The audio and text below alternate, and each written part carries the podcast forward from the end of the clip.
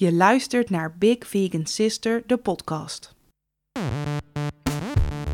Mijn naam is Lisa en ik strijd voor een wereld waarin we niet alleen liever zijn voor elkaar, maar ook voor onszelf. Met deze podcast ben ik er voor iedereen die een positief verschil wil maken in deze wereld, maar geen idee heeft waar te beginnen. Samen met mijn gasten neem ik je mee langs allerlei onderwerpen die bijdragen aan een inclusievere wereld. En bied ik je herkenning, nieuwe inzichten en een heleboel praktische handvatten om direct mee aan de slag te gaan. We zijn hier om te leren. Maar om maar even bij de woorden van Maya Angelou te blijven: When you know better, do better.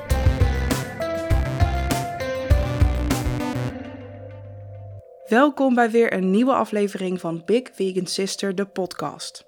Het is tijd voor de tweede aflevering in de serie De Activistische Gereedschapskist. Korte afleveringen waarmee ik jouw activistische gereedschapskist vul met alle vaardigheden en kennis die jij, vind ik dan, nodig hebt als activist.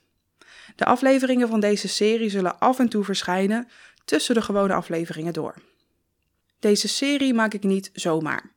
Hij wordt namelijk mede mogelijk gemaakt door mijn boek. Ja, ik heb een boek geschreven. Nog steeds heel raar vind ik dat. mijn boek heet dus Laat je horen. Zo maak jij een positief verschil in de wereld. En die is te koop bij je favoriete boekhandel of je kan hem ook online bestellen. Heel veel boekhandels bezorgen tegenwoordig ook.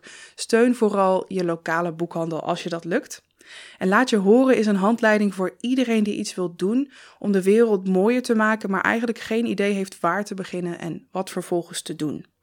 En hoewel er echt al heel veel aan bod komt in het boek, zijn er zeker ook genoeg dingen geweest die ik ofwel niet heb kunnen benoemen, of waar ik gewoon nog net wat dieper op in wil gaan. En daar leek deze podcast me eigenlijk het perfecte medium voor.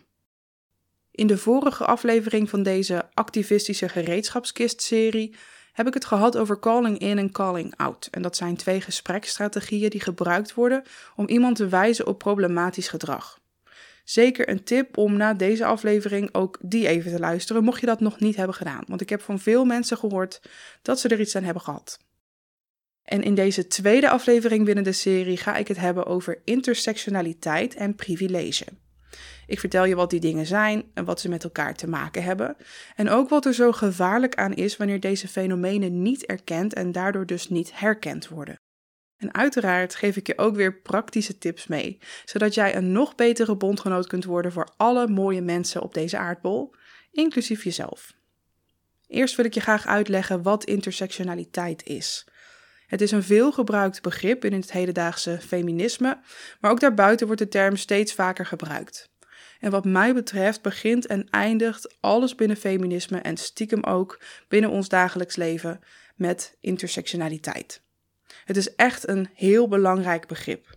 En misschien weet je al wat de term betekent en misschien ook nog niet. En dat is oké, want ik ga het je uitleggen. Intersectionaliteit, dat is intersectionality in het Engels, is de notie dat alle individuen in een samenleving discriminatie en onderdrukking ondervinden op grond van een veelvoud van factoren. Denk bijvoorbeeld aan gender, afkomst, klasse, seksualiteit en het al dan niet hebben van een beperking. Dat wordt ook wel disability of disabled zijn genoemd. De term intersectionaliteit kreeg in 1989 een naam toen de Amerikaanse rechtsgeleerde, burgerrechtenactiviste en hoogleraar Kimberly Crenshaw deze introduceerde in een academische paper die ze destijds schreef, maar de theorie erachter bestond al wel ietsje langer. Intersectionaliteit is de radicale overtuiging dat alle vormen van onderdrukking, dus denk aan racisme, seksisme, validisme, dat die met elkaar verbonden zijn. Je kunt deze niet los van elkaar zien. En met radicaal bedoel ik niet dat het enkel een overtuiging is voor de zogenaamd radicale mensen onder ons, maar daarmee bedoel ik dat het een diep ingrijpend begrip is. En dat het om een uh, quote-unquote goede feminist of goede bondgenoot, of als je het mij vraagt, goede aardbewoner te zijn, absoluut van levensbelang is dat je niet alleen weet wat het begrip inhoudt, maar dat je ook het bestaan ervan erkent. Wanneer we dat niet doen, is ons feminisme en dus ons activisme simpelweg niet inclusief genoeg en dus niet effectief, want dan sluiten we mensen actief buiten.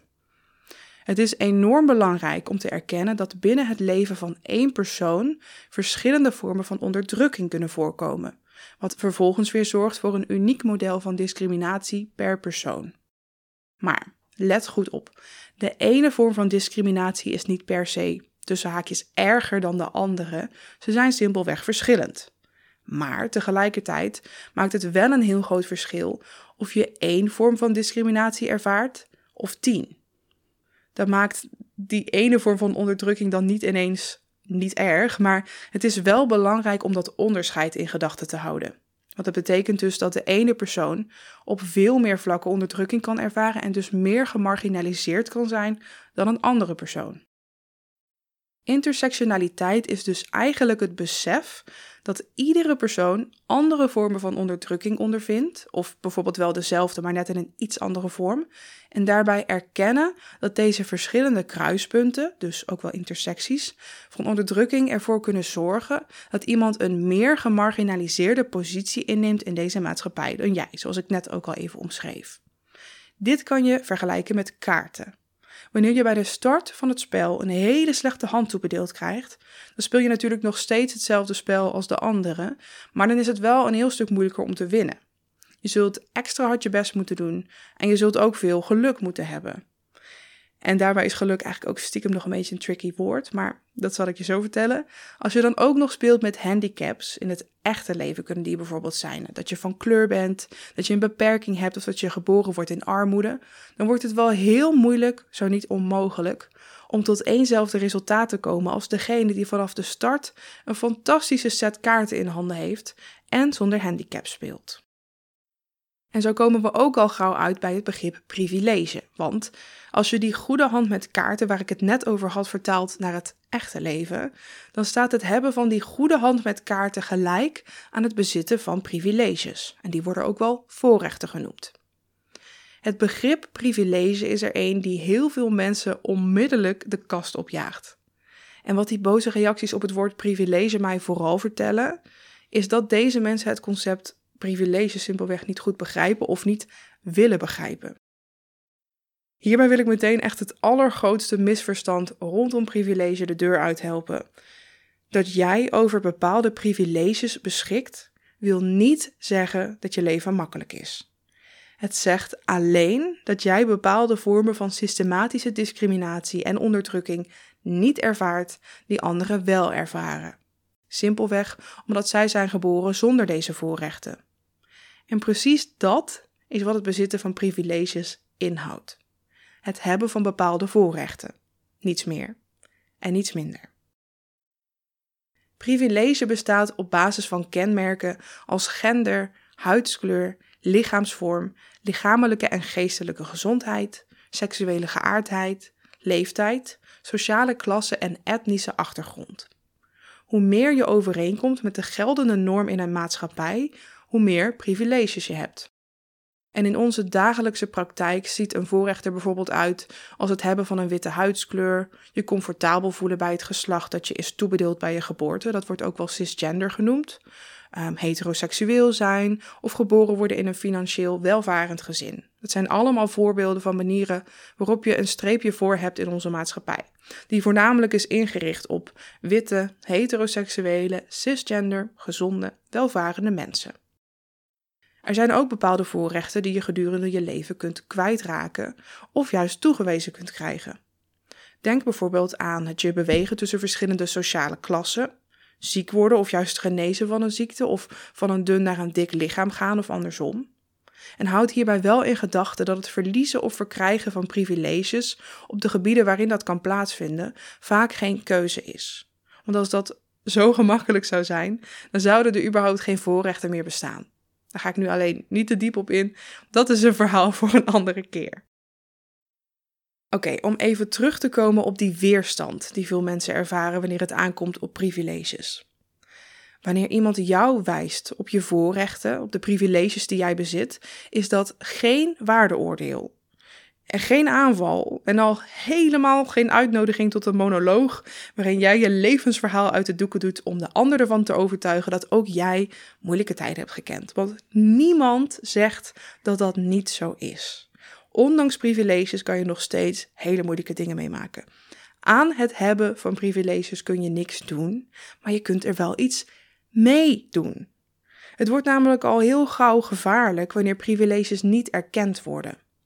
De zin: zo erg kan het toch niet zijn, want ik heb het zelf nog nooit meegemaakt, is een klassieker die de impact van voorrechten compleet ondermijnt.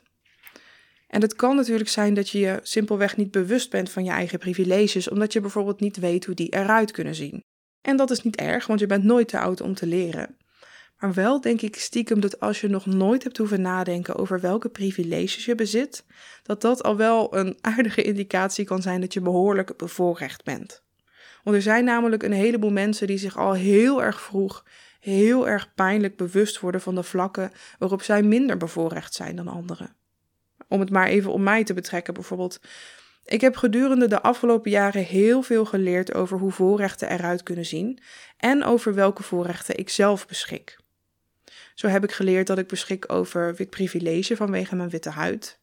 Um, ik ben opgegroeid in een modaal gezin zonder geldproblemen. Ik heb nooit armoede gekend. Mijn studie is voor mij betaald, mijn rijbewijs is voor mij betaald.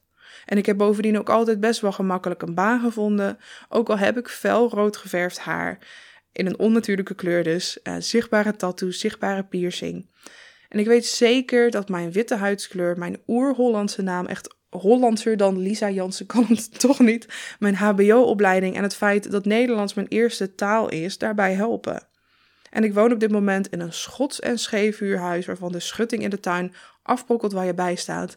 Maar ik heb dus wel een dak boven mijn hoofd en ik heb ook een tuin.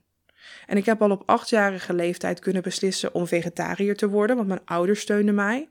En hetzelfde gold toen ik tien jaar later veganist besloot te worden, want toen woonde ik ook nog thuis. En heel lang heb ik de beschikking gehad over dun privilege, omdat de wereld is ingesteld op slanke mensen. Maar gezien de huidige maat van mijn lichaam is dat tegenwoordig geen vakje meer waar ik in pas. See what I did there. en om het dan toch nog heel even kort over corona te hebben. Ja, ik val in de risicogroep, maar ik kan mijn werk vanuit huis doen. En dat is een enorme luxe positie om in te verkeren. Ik kan mezelf al vanaf maart isoleren in mijn huis. En hoewel me dat af en toe echt intens verdrietig maakt en ik me de helft van de tijd ook behoorlijk vergeten voel door de rest van het land, kan ik mezelf dus wel zo veilig mogelijk houden in mijn eigen warme huisje met mijn partner en mijn hondje. En zie je nou misschien ook wat beter dat privileges soms helemaal niet als privileges kunnen voelen, maar dat het ondertussen wel gewoon privileges zijn. En ook dit, zorgen al deze privileges ervoor dat mijn leven altijd heeft bestaan uit het ene moeiteloze hoogtepunt na het andere, of dat het leven me iedere dag toelacht en dat ik niks heb hoeven doen om te komen tot waar ik nu sta? Zeker niet. Ook ik heb hard moeten werken en ook ik heb donkere tijden gekend. Maar die ervaarde ik niet omdat ik ben wie ik ben, maar ondanks wie ik ben.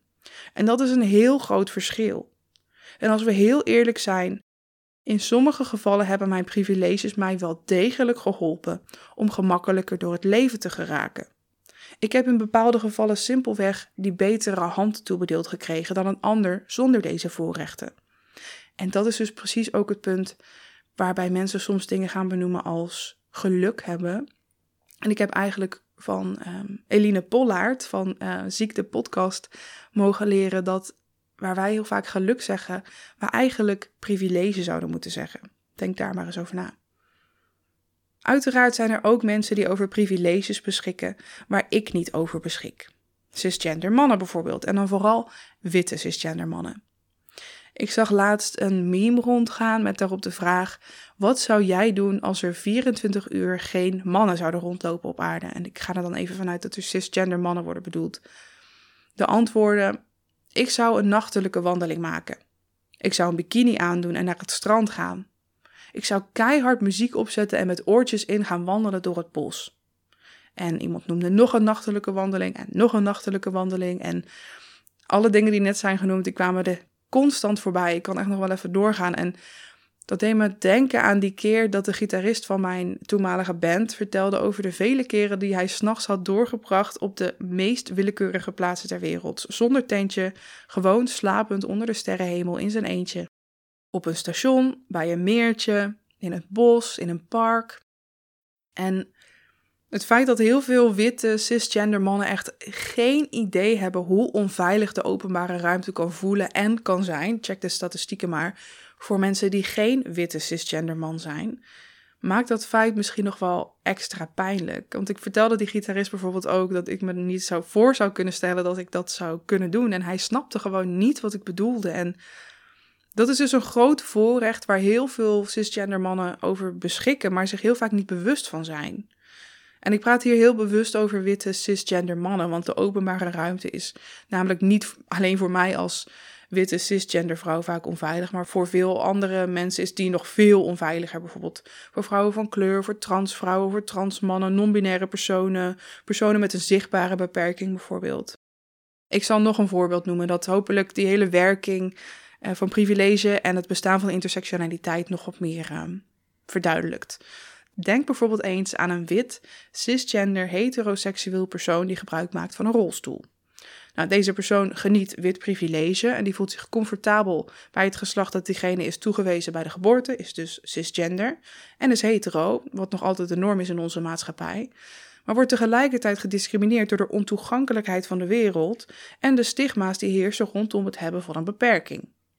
Wanneer deze persoon niet hetero was geweest, maar bijvoorbeeld, uh, ik zeg maar wat, uh, gay of bi, dan zou deze ook nog moeten dealen met discriminatie op het vlak van seksuele geaardheid. En wanneer deze persoon dan ook nog eens van kleur was geweest, vallen er wel heel veel privileges weg. En krijgt deze persoon dus nog meer te maken met vormen van onderdrukking. En dat zou ook weer zo zijn als iemand bijvoorbeeld um, zich um, niet comfortabel voelt bij het geslacht dat diegene is toebedeeld bij de geboorte, maar dat deze persoon bijvoorbeeld trans is of non-binair of misschien dat wel tegelijkertijd. En zo kan ik nog honderd of wat zeg ik duizend variaties verzinnen rondom privileges. En het erkennen van privileges is dus echt essentieel wanneer je de wereld vanuit een intersectioneel perspectief bekijkt.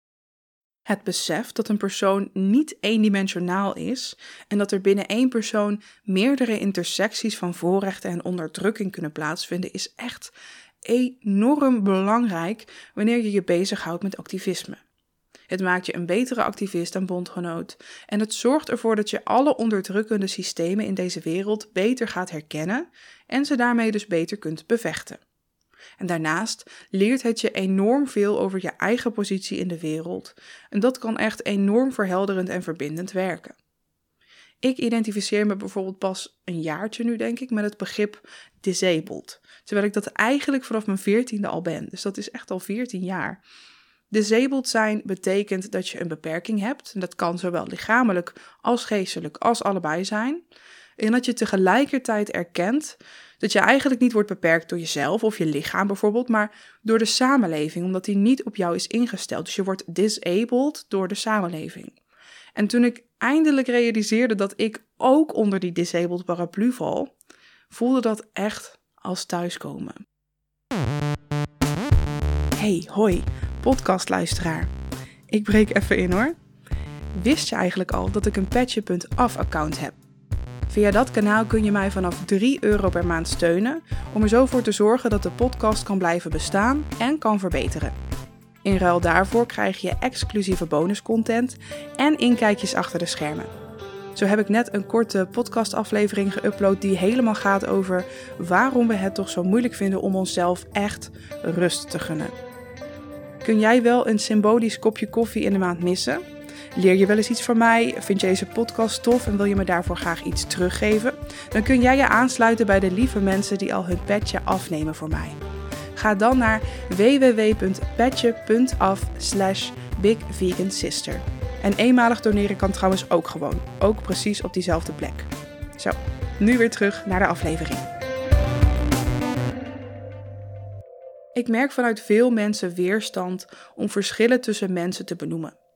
Het zou polariserend werken, het zou mensen tegen elkaar opzetten, maar ik denk echt oprecht dat we er niet echt voor elkaar kunnen zijn als we elkaar niet echt zien.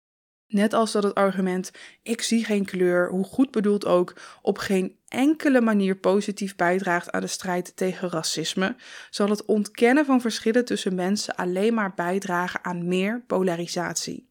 Het erkennen van verschillen binnen en buiten onze community is absoluut nodig.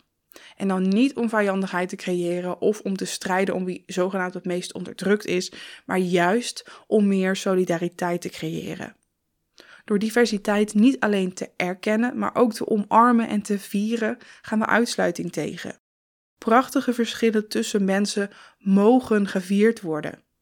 Maar tegen die verschillen die leiden tot onderdrukking moeten we in opstand komen wanneer we strijden voor een inclusieve wereld. Het besef dat we allemaal verschillende vormen van onderdrukking ervaren is essentieel om uiteindelijk alle onderdrukkende systemen zoals racisme, seksisme en validisme te kunnen ontmantelen. En dat is, denk ik echt, de enige manier om gelijkheid voor iedereen te bereiken. Het is te gemakkelijk om te zeggen: ik ben me bewust van mijn privileges en het dan vervolgens daarbij te laten.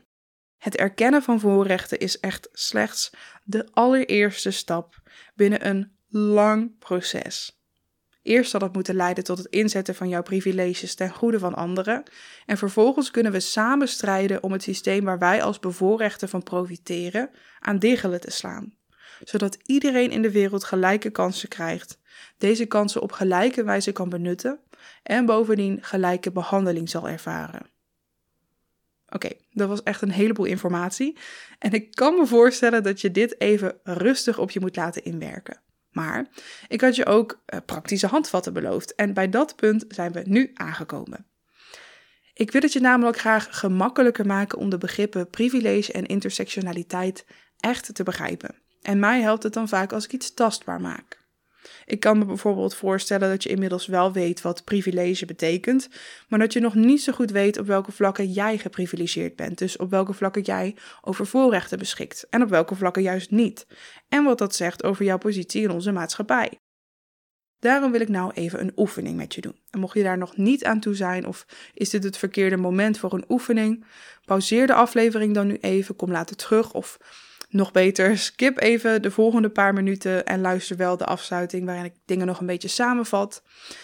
Um, ik kan altijd later terugkomen bij deze oefening. Maar wil je deze oefening nu wel met mij gaan doen? En ik hoop echt dat je dat wil. Hij duurt een paar minuutjes. Pak dan pen en papier of eventueel de notitie-app in je telefoon, maar het liefste pen en papier. En ga dan even naar een rustige plek waar je niet wordt gestoord. Oké, wat we gaan doen is geïnspireerd op de zogenaamde privilege walk. Dat is een concept dat ik niet zelf heb bedacht. Um, bij een privilege walk sta je met een groep mensen op een rij en er worden er steeds voorbeelden van voorrechten opgenoemd en vaak enigszins vermomd eh, tot een mooie zin. En herken je jezelf in dat voorbeeld, dan zet je een stap vooruit. En herken je jezelf hier niet in, dan blijf je staan of zet je een stap achteruit. Dus afhankelijk van wat de regels van dat moment zijn. En wij gaan dus iets doen dat hierop lijkt, met als grote verschil dat jij deze opdracht in je eentje uitvoert. Enerzijds is dit uit praktische overweging, want hè, coronatijd en meestal luister je ook nog een podcast in je eentje en is het een beetje gedoe als je allemaal mensen bij elkaar moet gaan zoeken. Maar anderzijds moet ik ook toegeven dat het me behoorlijk steekt dat bij deze oefening de ervaring van de minst geprivilegeerde persoon nodig is om de meest geprivilegeerde persoon te laten zien hoe geprivilegeerd die is. Dus dan gaat het weer ten koste van die persoon die het meest gemarginaliseerd is. En ja, zo gaat het in het dagelijks leven al constant. En dat neemt natuurlijk niet weg dat het een hele krachtige oefening kan zijn. Ehm, dan is het ook weer betrekkelijk voor wie krachtig. Maar ik vind het een uh, belangrijk punt om onszelf bewust van te zijn. Oké, de oefening werkt als volgt. Wanneer we zo van start gaan, en dat kondig ik dan aan, dus nog heel even geduld, noem ik om de beurt verschillende zinnen op. Iedere keer wanneer jij jezelf herkent in het voorbeeld dat ik schets, zet je een streepje. En zo turf je dus hoeveel van die zinnetjes je voorbij hoort komen die op jou slaan. Met hierbij ook alvast even deze opmerking. Weet je al dat je in een niet geprivilegeerde positie verkeert? Sla deze oefening alsjeblieft even over. Ik hoef je niet nog een keer te herinneren aan het feit dat jij um, nou ja, minder bevoorrecht door het leven gaat dan anderen. Maar ben je je nog niet bewust van de mate van privilege die jouw positie met zich meebrengt? Doe de oefening dan alsjeblieft wel. En weet dus ook dat je je niet schuldig hoeft te voelen als aan het einde bijvoorbeeld blijkt dat je heel erg bevoorrecht bent. Want je kunt niets doen aan die privileges die je hebt, maar je kunt er wel iets mee doen. Remember? En dan nog een allerlaatste content warning. Ik ga allerlei verschillende voorvallen uit het leven opnoemen. En ik ga dus ook zeker weten dingen opnoemen die jij hebt meegemaakt en die wellicht niet leuk zijn geweest. Eh, dat is misschien een understatement. Dus wees je daar nu alvast bewust van. En mocht je nou niet in de juiste mindset zitten om deze oefening nu te doen, kom dan gewoon later terug of vraag bijvoorbeeld een vriend of vriendin om die samen te doen met jou. Kan eventueel ook op afstand, zodat jullie elkaar kunnen steunen. En dan gaan we nu echt van start met de oefening. Dus iedere keer wanneer je jezelf herkent in wat ik voorlees, moet je een streepje zetten. Daar gaan we. Je hebt een witte huidskleur.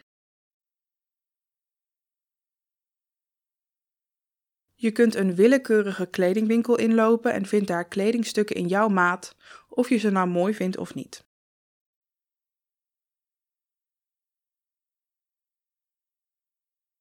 Op de basisschool werd de geschiedenis van jouw voorouders behandeld.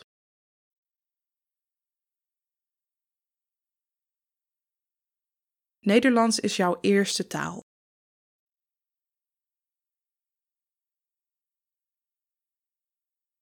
Je hebt geen zichtbare beperking.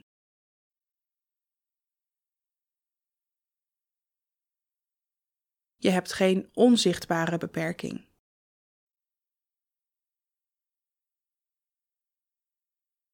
Je voelt je thuis bij het geslacht dat jou is toebedeeld bij je geboorte.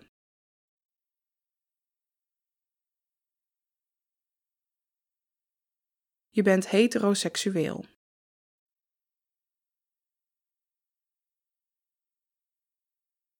Jouw religieuze feestdagen zijn nationale feestdagen.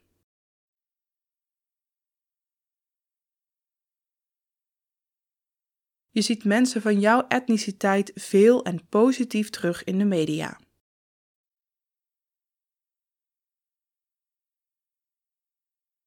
Je kunt overal pleisters kopen die matchen met jouw huidskleur. Je past zonder problemen in bioscoopstoelen en achtbaankarretjes.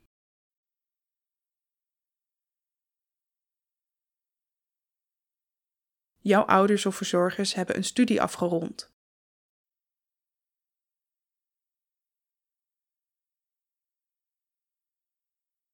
Je ouders of verzorgers zijn nog altijd samen.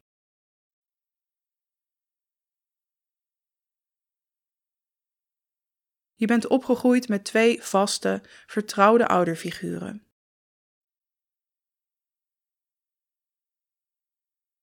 Jouw ouders of verzorgers hebben Nederlands als eerste taal.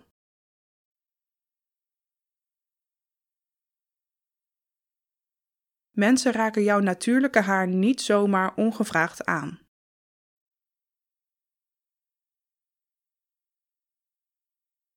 Rond Sinterklaastijd voel jij je veilig op straat.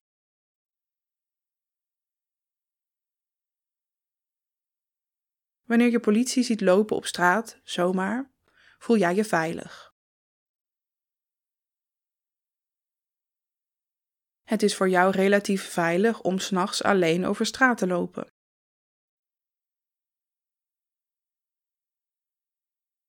Je ging vroeger met je ouders of verzorgers naar musea of de schouwburg.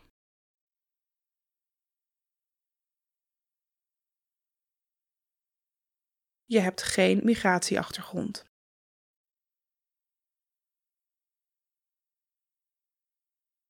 Je hebt kind mogen zijn.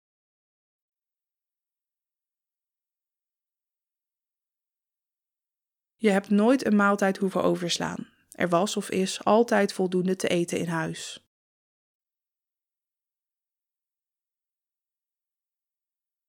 De openbare ruimte is voor jou goed toegankelijk.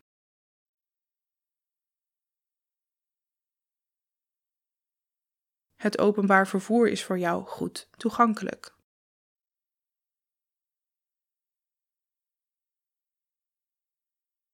Je ouders of verzorgers hielpen of helpen je met je huiswerk.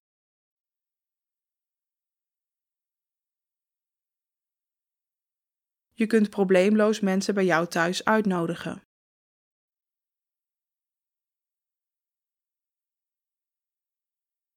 Je hebt nog nooit last gehad van depressies of andere mentale gezondheidsproblemen.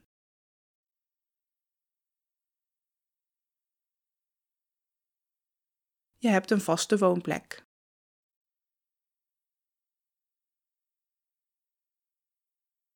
Je bent rechtshandig.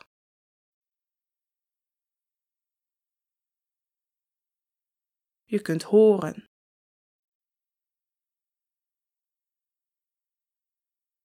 Je kunt zien.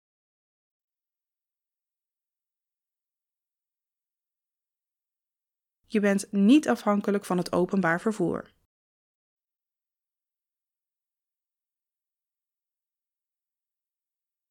Je bent of wordt nog nooit gepest om iets waar je niets aan kan of kon doen.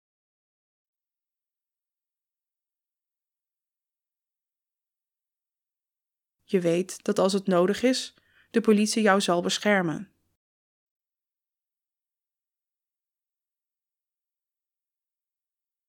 Er zijn meer dan twintig boeken aanwezig in je ouderlijk huis.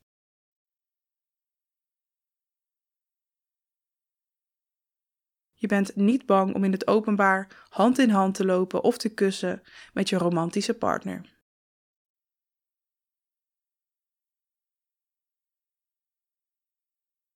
Je bent wel eens via familiaire connecties ergens gemakkelijker binnengekomen, bijvoorbeeld in een bedrijf of een school.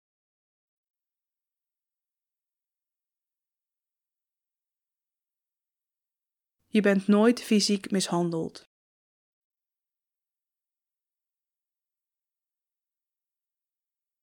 Je bent nooit emotioneel mishandeld.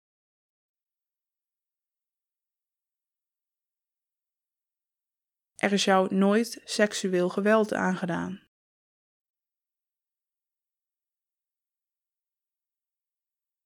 Wanneer jij spreekt, wordt niet aangenomen dat je voor je hele culturele en of etnische groep spreekt.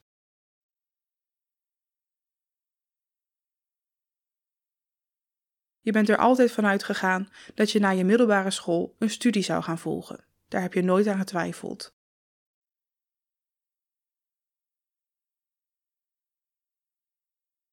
Mensen kijken niet raar op van jouw voornaamwoorden.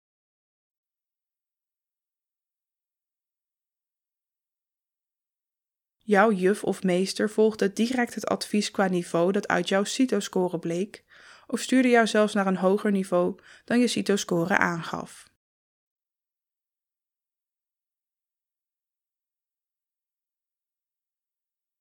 Je hebt je ouders nooit hoeven helpen om financieel rond te komen.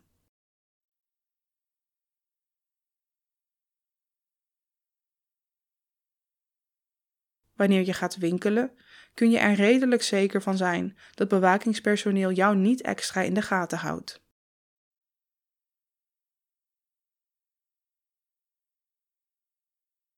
Je kon en kunt gemakkelijk kinderboeken vinden met een hoofdpersonage die dezelfde etniciteit heeft als jij.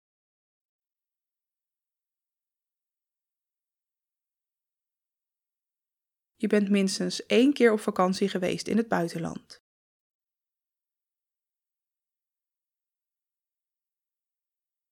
Oké, dat was hem. Je mag je pen neerleggen. Adem maar even diep in en uit. Kijk dan even naar het papier dat voor je ligt. Hoe vaak heb jij een streepje op papier gezet? En weet je ook nog een beetje waar die streepjes voor staan? Wat die representeren? Ik heb in totaal 50 voorbeelden van privileges opgenoemd. Die lijst is natuurlijk echt niet allesomvattend. Er zijn nog veel en veel meer voorbeelden van privileges te bedenken. En ik ga je nu ook niet vertellen dat je vanaf een x aantal privileges een bevoorrecht persoon bent en anders niet. Want dat is natuurlijk niet hoe het werkt. Zoals ik je eerder al vertelde, is het belangrijk om ook in dit geval alles intersectioneel te bekijken. Dus om je te beseffen dat je op het ene vlak wellicht geprivilegeerd kan zijn, terwijl je op het andere vlak discriminatie, uitsluiting of onderdrukking kan ervaren. Het is de totale som van al die kruispunten van onderdrukking die jouw unieke model van discriminatie samenstelt. En die zal bij de een net wat uitgebreider zijn dan bij de ander en die is bovendien ook altijd sterk contextafhankelijk. Wat ik vooral hoop is dat deze oefening je heeft geholpen jouw eigen vormen van privilege te identificeren. Misschien heb je wel ontdekt dat je veel meer privileges hebt dan je eigenlijk dacht. Of misschien helpt deze oefening jou juist wel om toe te geven dat je het helemaal niet altijd makkelijk hebt of hebt gehad. En misschien hoorde je wel bepaalde privileges langskomen die je vroeger bezat en nu niet meer, of misschien juist andersom, want het kan fluctueren. En neem echt even de tijd om op je bevindingen te reflecteren, om te voelen en te ervaren wat dat betekent. Want pas zodra je weet wat jouw privileges zijn, kun je actief aan de slag met die privileges. En om dat te doen, kan een eerste stap zijn om na te denken over hoe je die privileges nou eigenlijk kunt inzetten om de weg voor anderen vrij te maken. Dit kun je doen door zelfstandig onderzoek te doen. Daar mag je echt even de tijd voor nemen. Weet je bijvoorbeeld dat je wit privilege hebt? Nou, zoek dan eens op hoe je een betere bondgenoot kunt zijn voor mensen van kleur. Of ben je slank? Luister dan naar dikke mensen om zo een betere bondgenoot voor hen te kunnen zijn. Werk aan je vooroordelen en luister echt. En onthoud daarbij goed dat het verhaal van de gemarginaliseerde persoon altijd leidend is. En gebruik diezelfde personen bovendien alsjeblieft niet als jouw persoonlijke Google-zoekmachine. Nou, en vervolgens, als je dan kennis op hebt gedaan, kun je die toe gaan passen in de praktijk. En omdat je nou precies weet wat een voorrecht is en over welke voorrechten jij op dit moment beschikt, en hoe jij dus een betere bondgenoot kunt zijn voor personen die niet over die voorrechten beschikken, weet je ook eerder hoe dat toepassen in de praktijk eruit kan zien. En dat, dat kan echt voor iedereen heel erg verschillend eruit zien. Um, en het is ook wederom super sterk contextafhankelijk. Dus daarom is het ook zo belangrijk om zelf even op onderzoek uit te gaan en echt na te denken van eh, hoe ziet mijn leven eruit? Welke kansen heb ik gehad? Op welke vlakken kan ik die kansen ook voor anderen creëren bijvoorbeeld? Want echt het erkennen van je privileges, ik heb het al eerder gezegd, ik zeg het nog een keer. Het erkennen daarvan is echt pas stap 1. Activisme begint bij het in de praktijk brengen van de kennis die jij hebt opgedaan. En ja, dat gaat waarschijnlijk super eng en ongemakkelijk en raar en moeilijk zijn, maar het is wel het juiste ding om te doen. En als er één ding is dat ik je mee mag geven vandaag, dan is dat echt dit. Wanneer jij deze aflevering luistert en je de keuze hebt om je wel of niet in te zetten voor een ander, besef dan dat dat echt het allergrootste voorrecht is waar een persoon maar over kan beschikken. Het privilege van zelf kunnen kiezen om je activistisch in te zetten. Want er zijn echt belachelijk veel personen op aarde die die keuze niet hebben. Voor wie die keuze bij hun geboorte werd gemaakt, voor hen, om redenen waar zij niks aan kunnen doen. En ik hoop echt dat je dat te alle tijden in je achterhoofd houdt. En ik hoop vooral dat je je na het luisteren van deze aflevering meer gesterkt voelt in je activisme. Ook al voel je je nu misschien een beetje raar na het doen van die opdracht, dat kan ik me echt goed voorstellen. Misschien heb je er minder moeite mee gehad. Maar ik hoop dat je weet dat privilege geen vies woord is, dat het geen woord is wat je boos maakt, maar een woord dat jou juist motiveert om aan de slag te gaan. Of dat je juist doet beseffen dat op bepaalde vlakken anderen soms echt het stokje wel eens van jou mogen overnemen. Want ook dat mag iets zijn wat je hier uithaalt. Nou, dit is toch weer een mooi stuk gereedschap dat je toe hebt kunnen voegen aan je activistische gereedschapskist. Ik hoop echt dat je deze tweede aflevering in deze serie interessant en behulpzaam vond. En zo ja, dan zou ik het heel erg tof vinden als je deze aflevering wilt delen in je stories. En vergeet me alsjeblieft niet te taggen. Dat is @bigvegansister, want ik vind het super leuk om dat langs te zien komen. En luister ook zeker aflevering 12 in dat geval. Dat is de eerste aflevering uit die gereedschapskist-serie, waarin ik het heb over calling in en calling out. Dat zijn twee handige gesprekstechnieken om iemand te wijzen op iets dat echt niet kan.